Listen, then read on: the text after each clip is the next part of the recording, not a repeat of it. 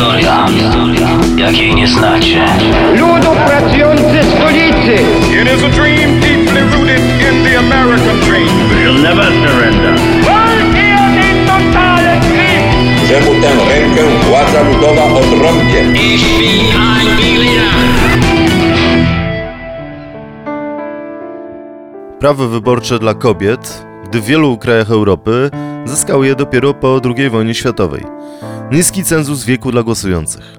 Prawa dla mniejszości narodowych i jeden z najbardziej liberalnych katalogów praw i wolności obywatelskich w ówczesnej Europie. Konstytucja marcowa, opracowywana w czasie bolszewickiego najazdu, gdy Polska stała u progu utraty odzyskanej właśnie niepodległości, była wręcz niezwykłą polityczną zdobyczą narodu, który po 123 latach scalił się z trzech zupełnie różnych organizmów. Niestety, w zakresie rozwiązań ustrojowych i organizacji państwa powodowała chaos i destabilizację. Praktyka jej stosowania już po pięciu latach zaowocowała przewrotem majowym i zaprowadzeniem rządów autorytarnych. Recenzja Konstytucji Marcowej z roku 1921 będzie wyjątkowo trudna. Spróbujemy ją rzetelnie wystawić w kolejnym odcinku naszych podcastów o polskiej tradycji konstytucyjnej.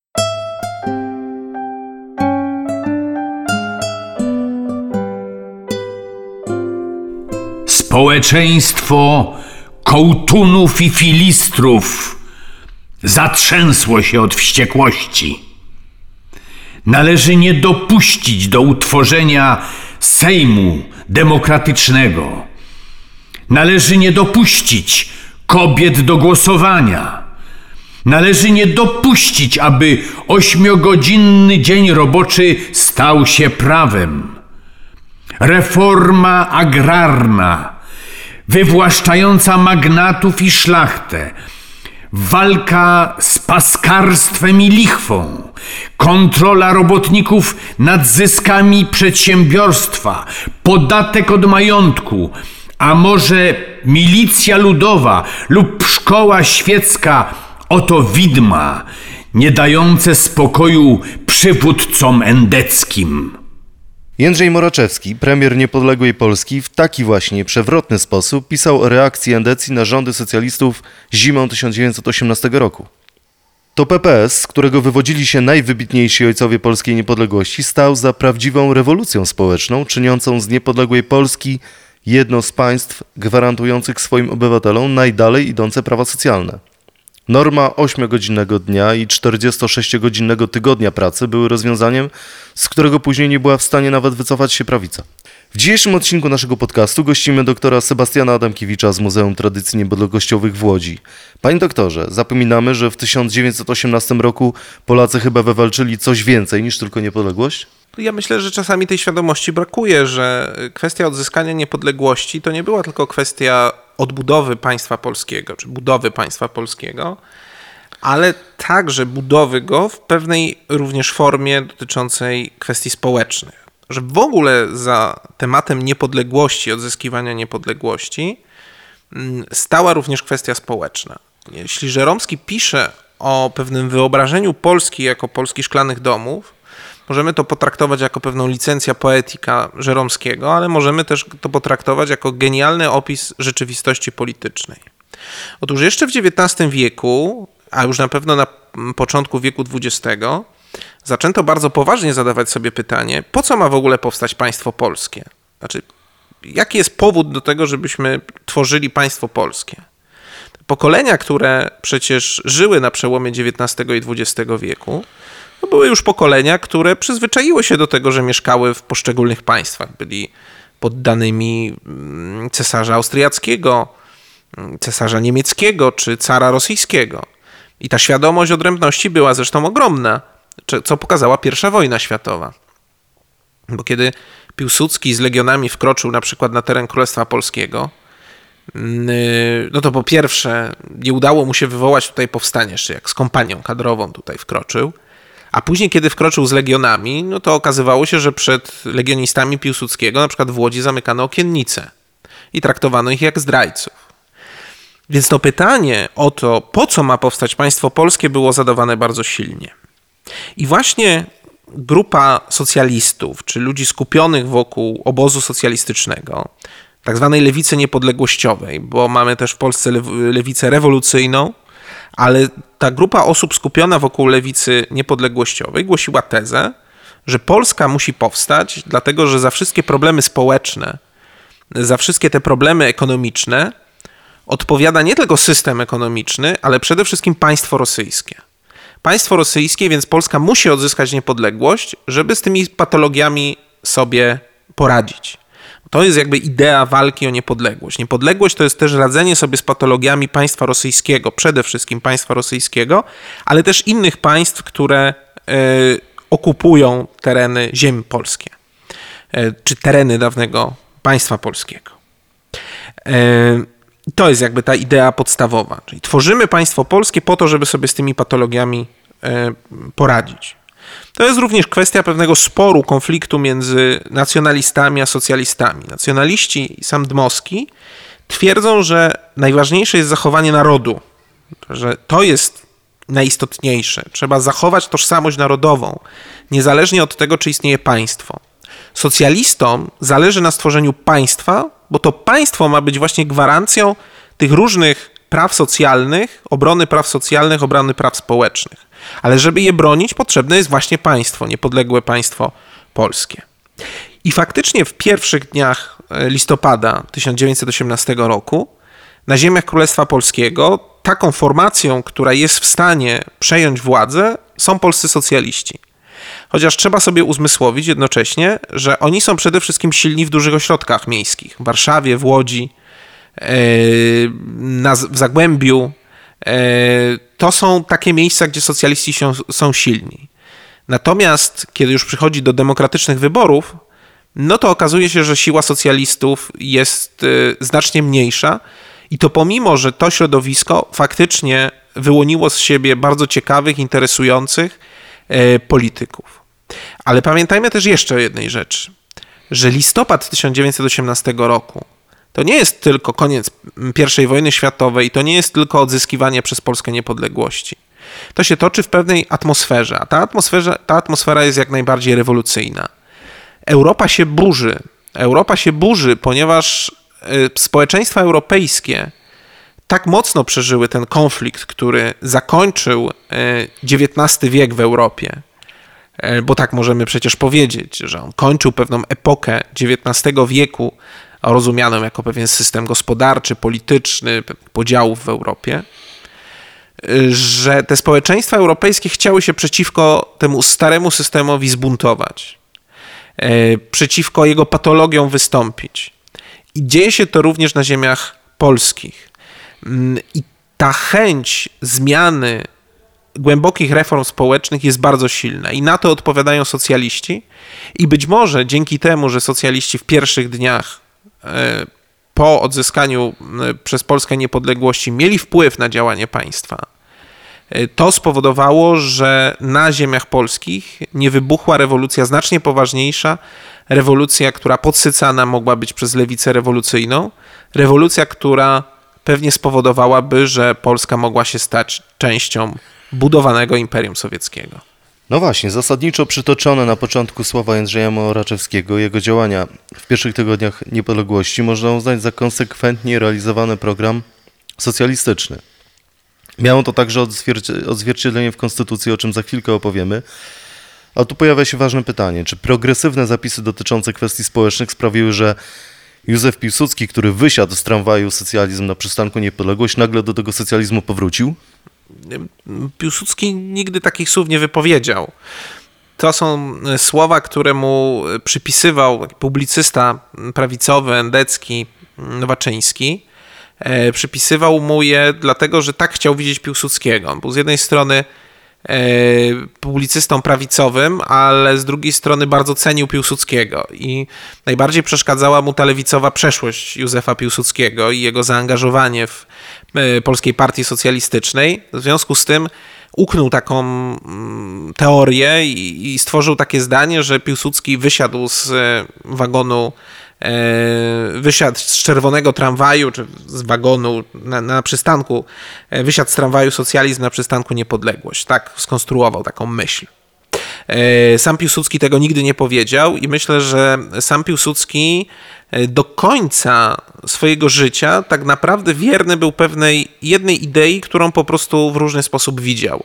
O ile w młodości, jego młodości najbardziej do tej idei mm, e, pasowali mu socjaliści realizował się w ramach działania Polskiej Partii Socjalistycznej, tak już e, po odzyskaniu przez Polskę niepodległości oddalał się oczywiście od Polskiej Partii Socjalistycznej, ale towarzyszyła mu ciągle pewna idea. To była idea stworzenia uczciwego państwa, e, państwa e, równościowego, e, państwa, które e, będzie po prostu państwem dobrobytu. I o ile Piłsudski, e, żyjąc w XIX wieku, na ten bałagan, na niesprawiedliwość społeczną, reagował w ten sposób, że oskarżał o to państwo rosyjskie i to oskarżał o to, że to państwo rosyjskie jest winą, ten bałagan w państwie rosyjskim e, jest przyczyną e, klęski społecznej, która w Królestwie Polskim panowała.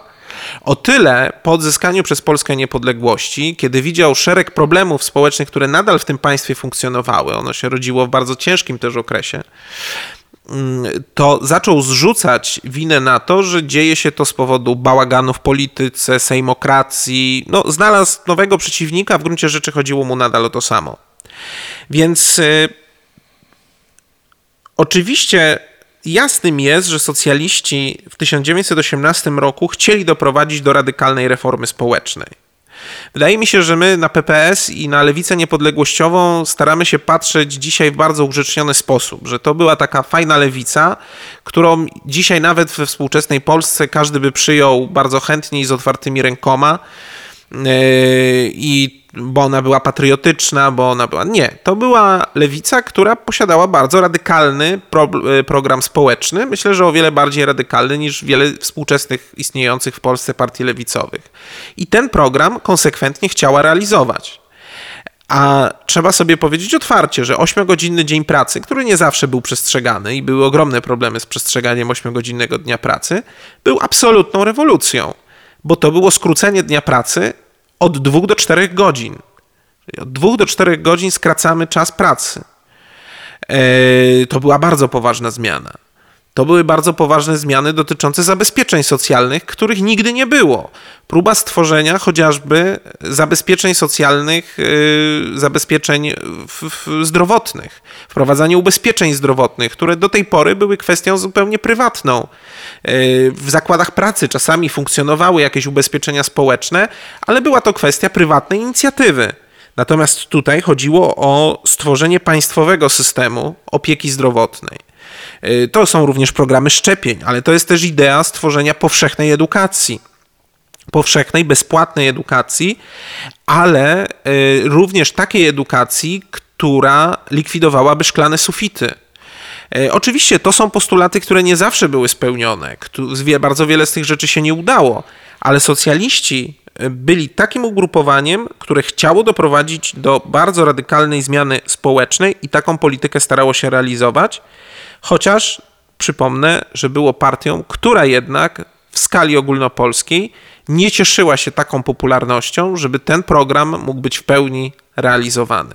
Była ważną partią, dobrze zorganizowaną w dużych ośrodkach miejskich, ale w skali ogólnopolskiej już znacznie słabszą. O rozwiązaniach ustrojowych, które de facto ukształtowały oblicze późniejszej II Rzeczypospolitej, postaramy się za chwilę dość szczegółowo opowiedzieć. Teraz, aby wczuć się w atmosferę tamtych dni i klimat polskiego parlamentaryzmu lat 20. XX wieku, posłuchajmy wspomnień jednego z posłów. Oto jak pracowano nad konstytucją marcową. Istna burza rozpętała się w dniu 5 listopada 1920 roku na 182 posiedzeniu Sejmu po odrzuceniu wniosku posła Bernackiego, który domagał się, ażeby głosowanie nad artykułami Konstytucji tyczącymi Senatu odłożyć do wyczerpania dyskusji. Na ławach lewicy powstałaby wrzawa i krzyki nie do opisania z powodu odrzucenia wniosku.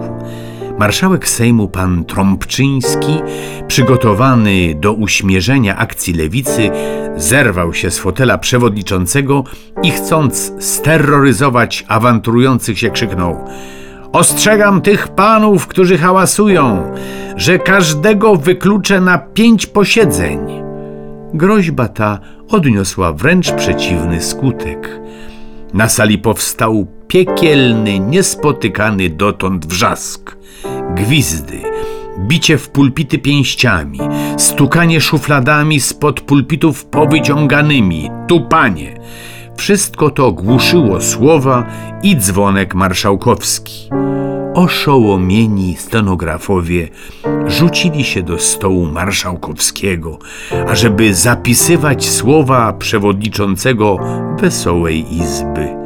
Sejm zamienił się w jakąś wielką budę jarmarczną, która rumorem i wrzaskiem zagłuszała wszystko.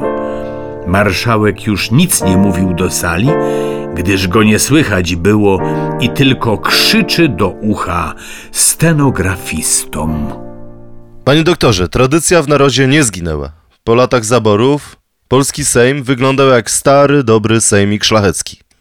Tak, oczywiście. Mm, Polski parlament jest parlamentem rozemocjonowanym, y, przede wszystkim dlatego, że okazuje się, to jest zawsze zaskakujące odkrycie dla Polaków na różnych etapach dziejów, że potrafimy się różnić mm, politycznie i różnić pod względem poglądów, nawet y, jeśli towarzyszy temu wspólna idea istnienia niepodległego państwa polskiego. To już nagle okazało się na forum, na forum parlamentu, a nie tylko gdzieś w gazetach albo gdzieś w publicystyce, okazało się, że ci Polacy, którzy tworzyli niepodległe państwo, bardzo mocno się ze sobą różnią. Bardzo różnią się pod tym względem, jak ma wyglądać niepodległe państwo, e, jak ono ma funkcjonować, i to były czasami sprawy fundamentalne.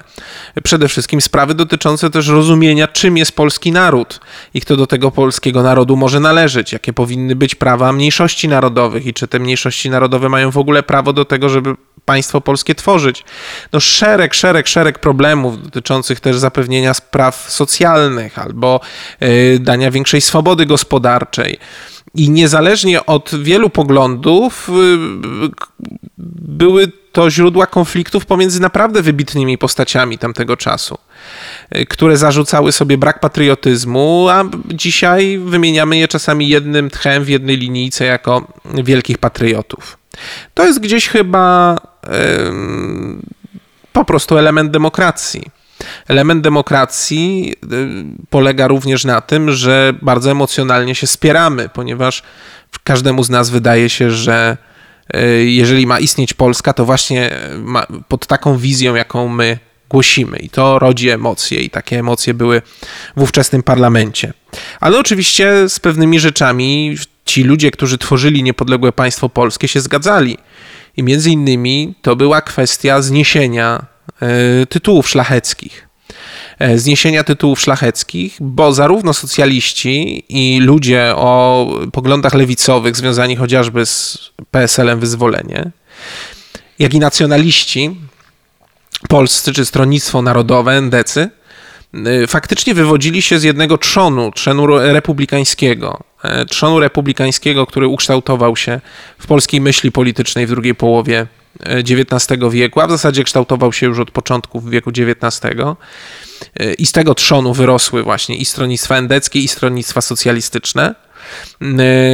Wiedziały, że to nowe, odrodzone państwo musi sobie poradzić z pewną przeszłością szlachecką i odrzucić tę szlachecką przeszłość. Roman Dmowski, kiedy pisał Myśli nowoczesnego Polaka, no nie pisał o przywróceniu dawnej Rzeczpospolitej obojga narodów. Miał do niej bardzo krytyczny stosunek. Nowoczesny Polak to miał być Polak, który z tą przeszłością szlachecką sobie poradzi, tę przeszłość szlachecką od siebie odrzuci i będzie tworzył nowoczesne państwo. I to przyświecało również idei e, Konstytucji Marcowej. I to jest bardzo ciekawy wątek polskiej polityki po odzyskaniu niepodległości.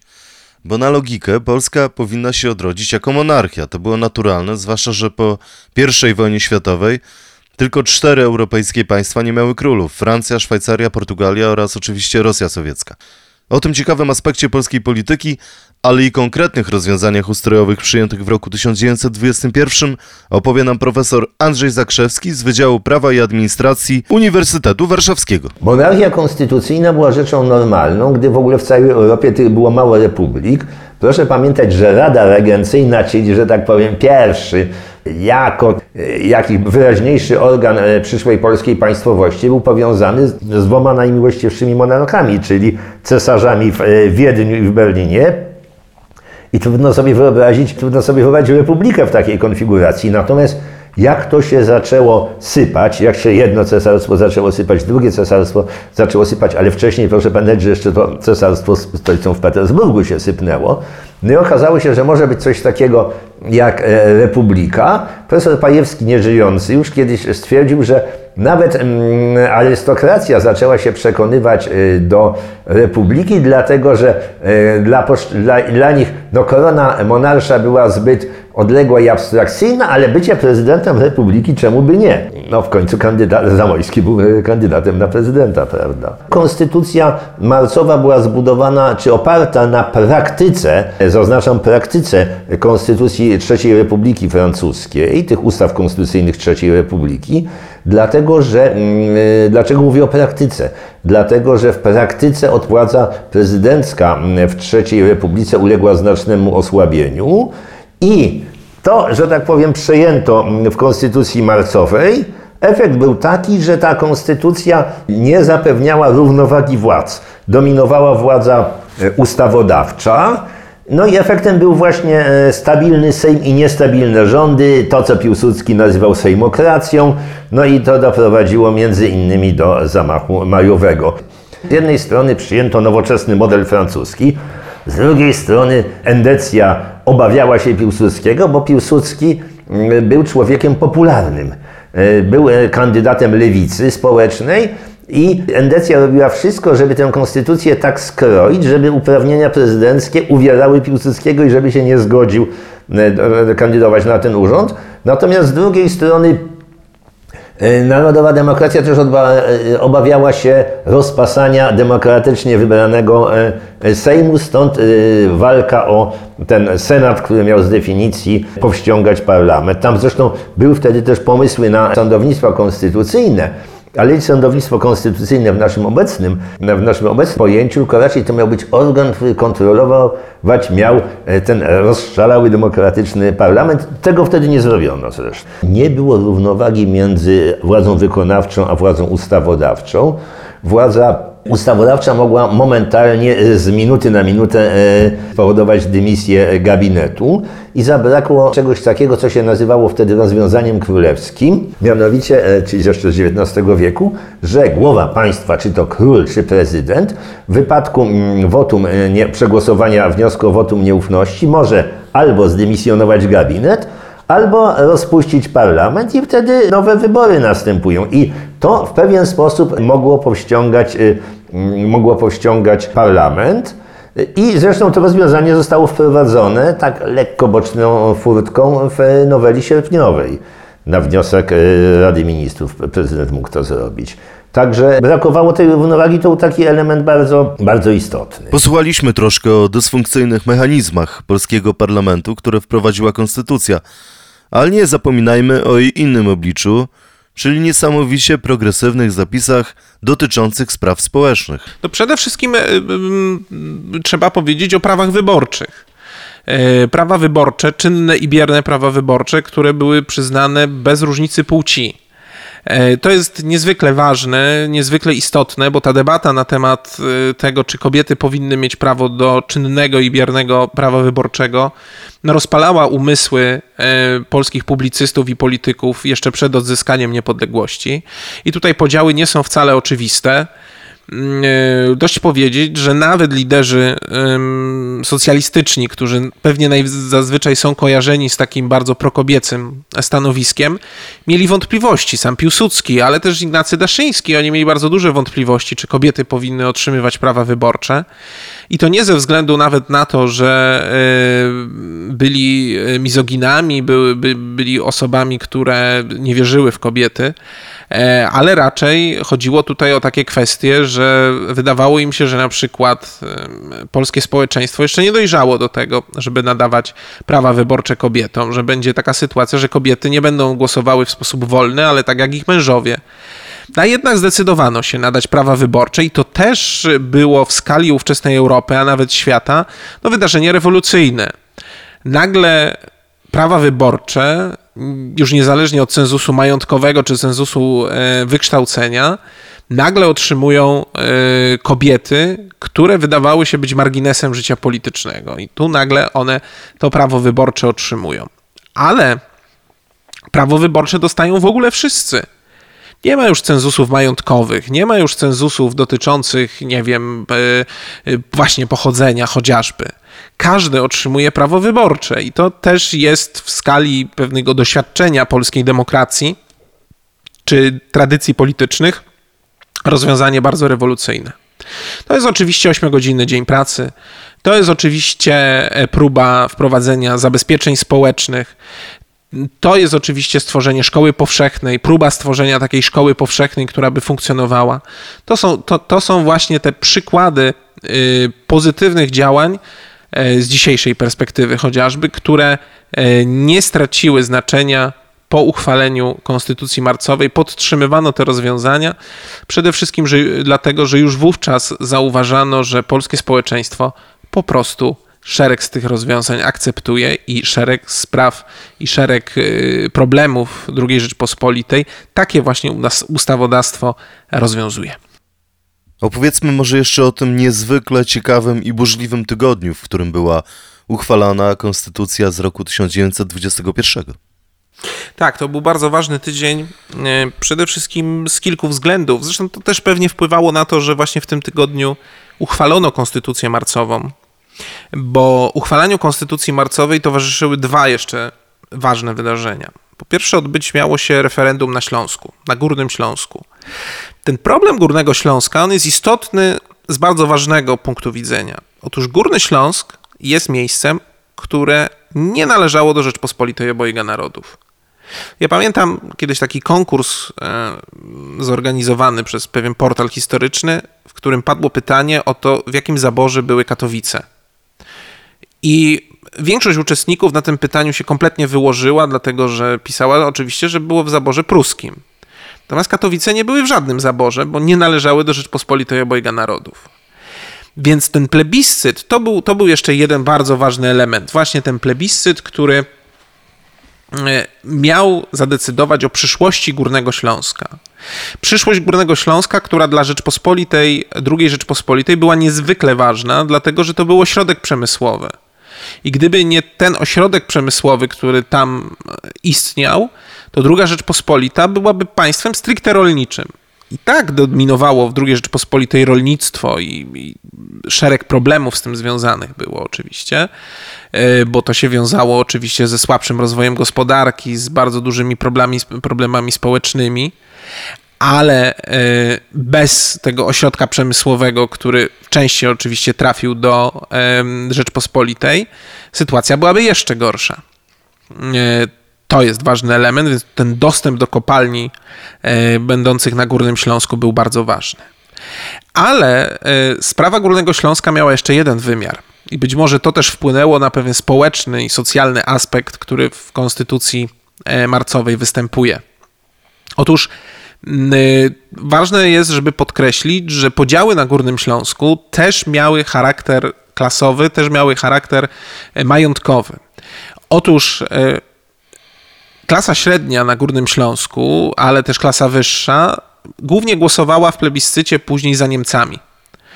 Natomiast za Polską głosowała biedota, za Polską głosowali y, ludzie ubodzy, głosowała niższa klasa średnia, Y, oni głosowali właśnie za Polską.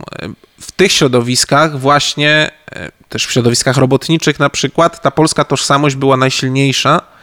Y, I dlatego też ta konstytucja pewien wymiar społeczny zachowywała i mm, miała w sobie. Stąd też te reformy, które w 1918 roku zostały zaproponowane, one podtrzymane były w mocy.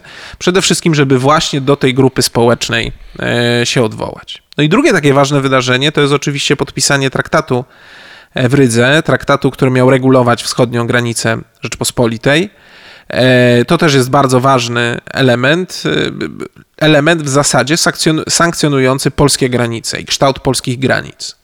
Bo oczywiście państwo może istnieć, państwo może być niepodległe, państwo może powołać instytucje, ale jeśli nie funkcjonuje w jakichś konkretnych granicach, to oczywiście o jego istnieniu nie może być mowy.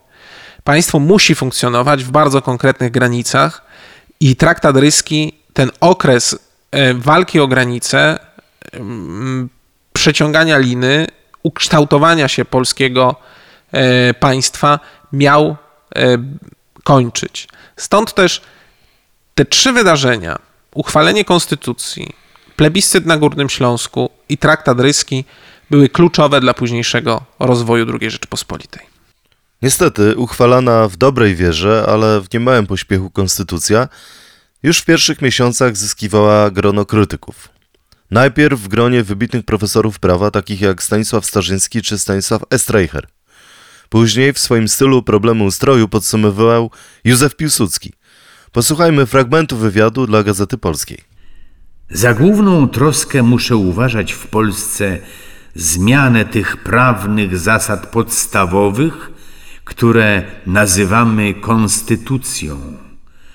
Nazwa jest głupia dlatego, że jest cudzoziemska i dlatego prawdopodobnie ludzie nie chcą często rozumieć, jak wiele pracy włożyć trzeba, aby być w zgodzie z konstytucją i z zasadami prawnymi, gdy się stoi na czele rządu. Jeśli zaś konstytucja jest niechlujnie ułożona i napisana, wytwarzać ona musi chaos prawny tak daleki, że utrzymanie porządku w myślach prawnych staje się niekiedy nieprawdopodobieństwem. Układ konstytucji jest tak chwiejny i nieokreślony, napisana jest tak niechlujnie, jak niechlujnym jest umysł panów posłów.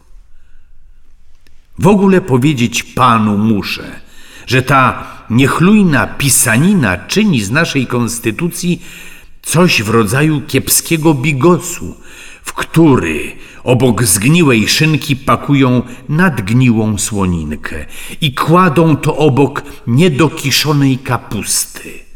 Także można i należy każdy paragraf i artykuł brać zupełnie osobno, nie wiążąc go z niczym innym, z żadnym innym, z żadnym innym artykułem. Naturalnie Zgniła szynka jest dla pana prezydenta, nadgniła słonina dla pana rządu, no a posłom zostaje niedokiszona kapusta. Jak pan rozumie, żołądki wtedy nie mogą nic zrobić i wychodzi z tego smród. Także ulica wiejska cała śmierdzi. I wyjście z tego chaosu jest możliwe tylko przez zmianę konstytucji i napisanie jej w przyzwoity sposób. A ja tego, proszę pana, nie nazywam konstytucją. Ja to nazywam konstytutą. I wymyśliłem to słowo, bo ono najbliższe jest do prostytuty.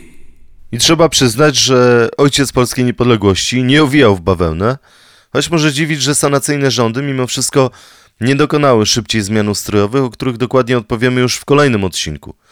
Przypomnijmy jednak, jak skończyły się rządy parlamentarne pierwszych lat polskiej niepodległości. Pierwsze lata polskiej niepodległości to jest okres kształtowania się polskiego ustroju i tego, czym ta Polska niepodległa ma być. Więc siłą rzeczy to jest okres wzmożonych konfliktów, y, konfliktów politycznych, sporów. Dodatkowo nakładają się na to problemy ekonomiczne i problemy społeczne, które są efektem prowadzonych działań wojennych, y, pustek w budżecie i też kształtowania się w ogóle państwowości polskiej.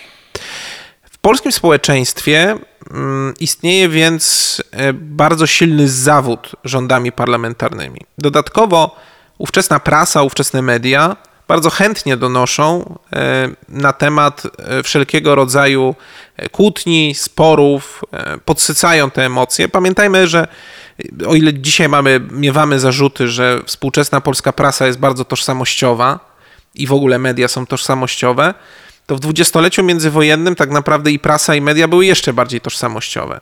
Każda partia polityczna wydawała swoją gazetę i opisywała rzeczywistość z własnej perspektywy. A to opisywanie rzeczywistości z własnej perspektywy e, najczęściej kończyło się tym, że przeciwnika politycznego opisywało się w jak najgorszy sposób. Stąd też takie przekonanie społeczne o tym, że polski parlament to jest miejsce bezustannych awantur, e, poczucie ogromnego podziału wewnątrz społeczeństwa. Myślę, że poczucie e, dużo silniejsze nawet niż to współczesne, obecne poczucie podziałów e, społecznych. Więc mamy taką właśnie atmosferę. Z jednej strony atmosferę pewnego zawodu, bo okazuje się, że państwo polskie powstaje, ale nie spełnia ono tych wszystkich nadziei, e, które w państwie polskim były pokładane. Szereg patologii istnieje nadal, szereg patologii się jeszcze bardziej pogłębia, to nie jest tak, że winę za patologię ponosiły wyłącznie państwa zaborcze, ale musiało być coś jeszcze. E, państwo polskie na to nie odpowiada, nawet jeśli my dzisiaj z perspektywy czasu dostrzegamy, że pewne działania polityczne, które wówczas były podejmowane, taki efekt przynosiły bo można wymienić szereg dziedzin życia, które zaczynały ulegać powolnej poprawie. Chociażby zwiększała się liczba lekarzy, czyli możemy domniemywać, że zwiększała się również dostępność do, e, do zdrowia. Chociażby cała akcja szczepionkowa, która wówczas się odbyła, spowodowała, że szereg chorób zakaźnych przestawało funkcjonować, przestawało zagrażać polskiemu społeczeństwu. Spadała śmiertelność. E, więc Oczywiście my z perspektywy czasu to widzimy, ale ludzie, którzy żyli wtedy, żyli w tym systemie, żyli w tym państwie, na co dzień tak znaczącej poprawy nie dostrzegali. E, I za to, że nie dostrzegali tej poprawy, obwiniali oczywiście parlamenty. W konstytucji marcowej był zresztą pewien błąd, który mm, powodował, że w bardzo łatwy sposób można było obalić rząd rząd nie miał tych gwarancji funkcjonowania jako rząd mniejszościowy. Jakakolwiek utrata większości parlamentarnej mogła skutkować upadkiem rządu. Stąd też ta lista rządów jest bardzo długa. I to też dawało takie społeczne wrażenie niestabilności tego systemu. No jeżeli system polityczny nie jest w stanie zapewnić na dłuższy okres stabilnego rządu, to znaczy, że samemu temu systemowi brakuje stabilizacji. I to powodowało, że polskie społeczeństwo przestawało parlamentowi, parlamentowi ufać. A dodatkowo jeszcze, właśnie w dwudziestoleciu międzywojennym, w latach dwudziestych, zaczęła powstawać tak zwana idea sanacji. Idea sanacji, czyli idea przywrócenia pewnego ładu społecznego, bo te częste zmiany rządów, kłótnie w parlamencie, to wrażenie, ta atmosfera sporów e, w parlamencie powodowało, że ówczesne społeczeństwo miało takie przekonanie, że w Polsce panuje nieład i anarchia. No więc co należało zrobić? Przywrócić ład. A kto mógł to zrobić? Jakiś autorytet. Ktoś, kto cieszy się powszechnym autorytetem, kto jest ponad te konflikty polityczne. Ale mało tego, coś musi stać za tym autorytetem. Yy, no bo dlaczego ktoś ma być autorytetem? Dlaczego to on ma przeprowadzać te zmiany polityczne, a nie ktoś inny? Otóż musi stać jakaś piękna karta, jakaś piękna karta w historii. Ten ktoś musi być na przykład ojcem niepodległości, czyli kimś, kto walczył e, za niepodległość. I tak powstaje sanacja. Tak powstaje sanacja, która skupia się wokół postaci marszałka Piłsudskiego, czyli takiej właśnie postaci, której z jednej strony mamy ten modernizacyjny e, umysł, umysł, który dąży do modernizacji polskiego państwa, w których marzeniach, w którego marzeniach jest to wielkie, silne państwo, ale z drugiej strony też umysł, który cieszy się autorytetem, który ma za sobą przeszłość, a Piłsudski miał za sobą piękną przeszłość. Mógł ją wspaniale udokumentować.